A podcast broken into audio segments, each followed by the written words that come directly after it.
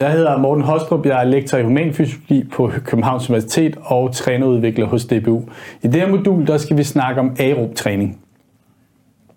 Vi inddeler jo normalt vores træning i enten den aerobe træning eller den anaerobe træning, øh, hvor den anaerobe træning dækker sprinttræning, plyometrisk træning, som er der med at hoppe, øh, styrketræning og sprintudholdenhedstræningen. Men vi skal snakke om aerob træning i dag.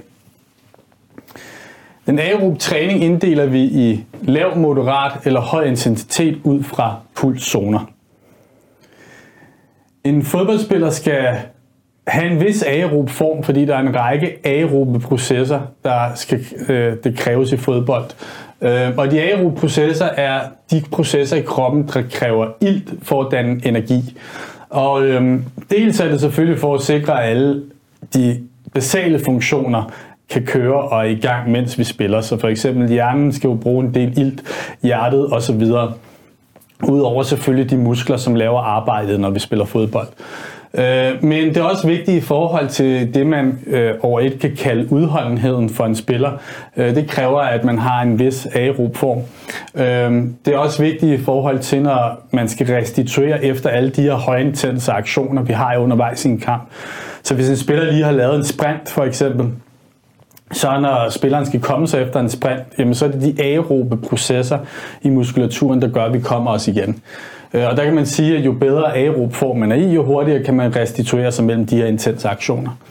Øhm, og øh, så en anden generel ting, det er, at jo større aerob kapacitet musklerne har, jo bedre aerob form vi er i, jamen jo mindre anaerobe krav øh, er der. Og det er egentlig væsentligt, fordi det er alle de anaerobe processer, der egentlig gør, at vi føler træthed øh, undervejs i en kamp.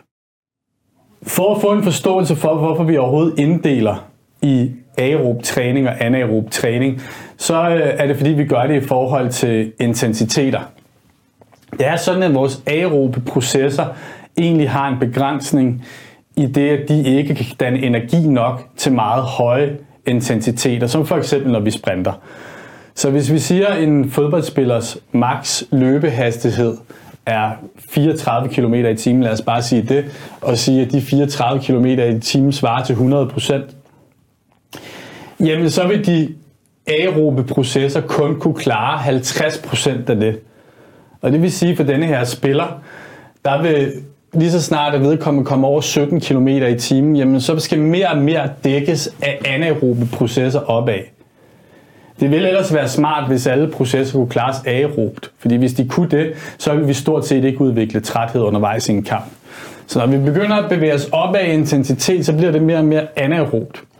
Når vi ligger på de der cirka 50% af, hvad vi max kan løbe i hastighed, jamen der når vi det, der kaldes et aerob max, og det er også der omkring øh, ens aerobe kapacitet, eller kondital, om man vil, ligger.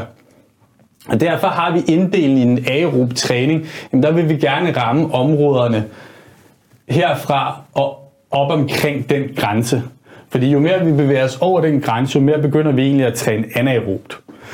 Så øh, i forhold til, når vi træner aerob træning med meget lav intensitet, der skal vi selvfølgelig lægge lav på en meget lav intensitet, ved den moderate lidt højere. Og når vi træner aerob træning ved høj intensitet, så selvom vi kalder det høj intensitet, er det faktisk langt fra, hvad vi maks kan klare. Men det ligger højt i forhold til, hvad de aerobe systemer hos os kan klare. Der vil det være anderledes for den anaerobe træning. Den anaerobe træning, der vil vi gerne træne på intensiteter, der overstiger, hvad vores aerobe processer kan klare. Så det er fra denne her linje og op efter. Øhm, og det vil det ikke handle om i det her modul. I det her modul, der fokuserer vi på det aerobe. Så hvorfor overhovedet træne det her aerob træning? Det så vil vi godt forbedre spillernes evne til at transportere og udnytte den her ilt. Så øh, vil det, hvis vi får trænet den aerob form, gøre vores spillere bedre i stand til at kunne restituere mellem alle de her intense aktioner, der er, og komme så hurtigere. Og så vil det også selv være et fundament for al anden træning, vi laver. Og det er også det, vi under et normalt kalder en eller anden grundform. Så inden vi overhovedet kan gå i gang med at lave alt for meget anaerob træning eller, eller andre ting, jamen der kræver det også, at vi, vi har fået styr på det, den aerobe form først. Når vi træner aerob træning, jamen, så plejer vi at så tage intensiteten i forhold til pulszoner. Som regel med et pulsord. Øhm, så den lave intensitet, jamen det er typisk, hvor vi rammer omkring 65% af makspulsen. Og det er, når vi gerne vil lave restitutionstræning, for eksempel i dagene efter kamp. Øh, det kan være i forbindelse med spillere, der er i gang med at genoptræne og er i gang med return to competition efter, efter skader eller overbelastninger. Så er der den aerob træning med moderat intensitet, der vil vi gerne ramme en pulszone, der er omkring 80% af makspulsen. Og øh, det er for at træne evnen til at udholde længerevarende arbejde. Det vil sige, i, i de øvelser, hvor vi træner aerob træning med moderat intensitet, vil vi godt træne, at spillerne opretholder en, en, de her 80% af max i, i ret lang tid for at træne udhold, udholdenheden i, i, i det. Og så er der ved den høje intensitet, der vil vi godt op og stress kredsløbet så meget som muligt. Så der vil vi helst op og ramme omkring 90% af makspulsen, eller gerne derover i, øh, i så lang tid som muligt. Der vil det typisk være op til 4 minutter, 1-4 minutter, hvor øh, man, man godt vil opretholde øh, den her høje puls. Så det er, når vi gerne vil træne konditallet for eksempel, og evnen til at restituere hurtigere mellem de her intense aktioner. Så et eksempel på noget lavintensitets aerob træning, hvor vi har den her pulszone på 65% af max, det kunne være nogle simple tekniske øvelser, for eksempel et spil, der er her i en cirkel med nogle spillere i midten, og arbejder derinde med meget lav intensitet, øh, øh, i form af en eller anden form for restitutionsaktivitet. Det kan også være fodbold-tennis, der er det bare vigtigt, at fodbold-tennisen, at der ikke går for meget konkurrence i det, men at det stadigvæk køres med en meget lav intensitet, hvor man forsøger at undgå, at der skal være eksplosive aktioner. Øhm, øvelsestiden vil så typisk være mellem 5 minutter og en time. Så er der en aerob træning med moderat intensitet. Vi skal ramme omkring de 80% af max. Øhm, der kan det være forskellige former for småspil, øh, hvor man øh, har nogle arbejdsintervaller af 4-8 minutters varighed, hvor pausetiden som ofte er fire gange kortere. Så det kunne for eksempel være, at man havde et interval, der varede 8 minutter, og så 2 minutters pause. Og der er det vigtigt, at man sikrer sig, øh, at man, man designer øvelsen med en vis størrelse i forhold til spillerantal, således at der ikke kommer for meget duelspil. Man skal tænke over, hvordan man kan designe det til, at, at det ikke bliver for eksplosive aktioner igen, øh, og det ikke bliver for meget med sprinter, fordi så er vi egentlig overmudre det lidt til med nogle anaerobe komponenter. Så man skal forsøge at, at bruge sin, sin trænerknep til at designe øvelsen, så man rammer denne her pulszone i så lang tid af de her 4-8 minutter som muligt, uden at der er for mange anaerobe intense øh, øh, faktorer og momenter med. Og så er der en højintense aerob træning ved høj intensitet. Vi vil godt op og ramme 90% af makspulsen eller derover. Øh, arbejdstiden er 1-4 minutter som regel. Pausetiden er som oftest øh, halvdelen af det, så det kunne være 2 minutters øh, interval med 1 minuts pause. Øh, der kan man igen have en, skal man huske at have en, en tilpas stor øh, banestørrelse, så man sikrer sig, at, at løbene bliver af en, af en vis intensitet, så man får pulsen op. Man kan også sætte øh, øh berøringer på, så der ikke går for meget øh, øh duelspil i den, og ikke går for meget øh, øh, individuelle færdigheder i den, at, at enkelte spillere begynder at drible, eller at øh, eller at tempoet bliver trukket ud af det, fordi der er en spiller, der holder på bolden. Så det er jo, det er jo igen nogle af de her trænerknep, øh, man kan lave i forskellige, øh, i forskellige øh, småspil eller fodboldspil med, med mål, man kan lave for at ramme det her. Man skal huske de individuelle forskelle. Så hvis vi har en pulskurve her, hvor vi har pulsen ud af y-aksen i slag i minuttet, og ud af x-aksen, der har vi tiden i minutter, og der er en masse små intervalspil, der er blevet kørt her på, på to forskellige spillere. Og der kan vi se, at øh, spilleren her for neden ligger egentlig med en lavere puls hele vejen igennem.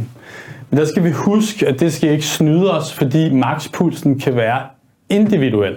Og det vil sige, at selvom spilleren her ligger med en lavere puls undervejs i øvelsen, så kan det være relativt for den spiller, at det er tættere på øh, vedkommendes makspuls end spilleren herop. Og det kan vi egentlig se her. Her øh, kan vi se, at den sorte spiller her, altså spiller 1, faktisk ligger meget større del af tiden over i pulszonerne omkring 85-90% af max, 90-95% af max i forhold til den hvide spiller her, der egentlig lå højere, men det er en lavere andel af, ved, øh, af vedkommendes maxpuls. Så derfor er det vigtigt at kende maxpulsen på spillerne, når vi laver aerob træning. Her er det egentlig bare en tabel, der viser øh, den grove inddeling, vi laver i forhold til de her forskellige øh, pulszoner, når vi laver henholdsvis lav, moderat og høj intensitets aerob træning. Hvilke pulsområder vi gerne vil være indenfor, hvad vi gerne vil ramme i snit, typisk arbejdstid, typisk arbejdspauseforhold, altså hvor lang skal pausen være i forhold til arbejdet, hvor mange gentagelser? Og hvor lang tid det typisk kunne være som eksempel. Der er også noget med restitutionstid. Uh, vi skal huske, at når vi putter noget fysisk træning ind og noget konditionstræning ind, så kan man ikke nødvendigvis gøre det mange dage i streg, fordi så risikerer man, at spillerne bliver overbelastet. Så alt det, meget af det her fysiske træning, enten den aerobe eller anaerobe, det handler om at give et stress på kroppen, så kroppen den tilpasser sig, og det skal den bruge noget tid på for at komme sig igen og gøre det, vi kalder superkompensere, det vil sige komme op på et højere niveau. Øh, og for den aerobe moderat intense træning, øh, der er selve for kredsløbet at komme sig igen. Det sker inden for få timer, så det er ikke så stressende for hjertekredsløbet at komme sig igen efter aerob træning med moderat intensitet. Men hvis vi laver aerob træning ved høj intensitet, så kan det godt for nogle spillere faktisk være så stort et, et, øh, et kredsløb stress, at, øh, at ens hvilepuls efter sådan en træningssession faktisk vil være forhøjet i mange, mange timer, op til 24 timer bagefter øh, sådan et træningspas. Hvis vi kigger på selve kroppen, altså det kunne være musklerne og knoglerne og ledene og senerne, øh, der tager det endnu længere tid end for kredsløbet. Øh, for den moderat intensitetstræning, der kan det tage 1 til to dage, alt afhængig af, hvor meget vi har puttet på, og hvor vant spillerne er til det. Hvis den aerobe højintensitetstræning, jamen der tager det typisk to dage. Øh, så hvis man nu havde et træningspas med aerob højintensitetstræning om mandagen, jamen så skulle man så vente til onsdagen med at gøre det igen. Og for nogle spillere, der kunne det endda være, at de skulle have tre dages øh, restitution for at kunne, kunne gøre det igen.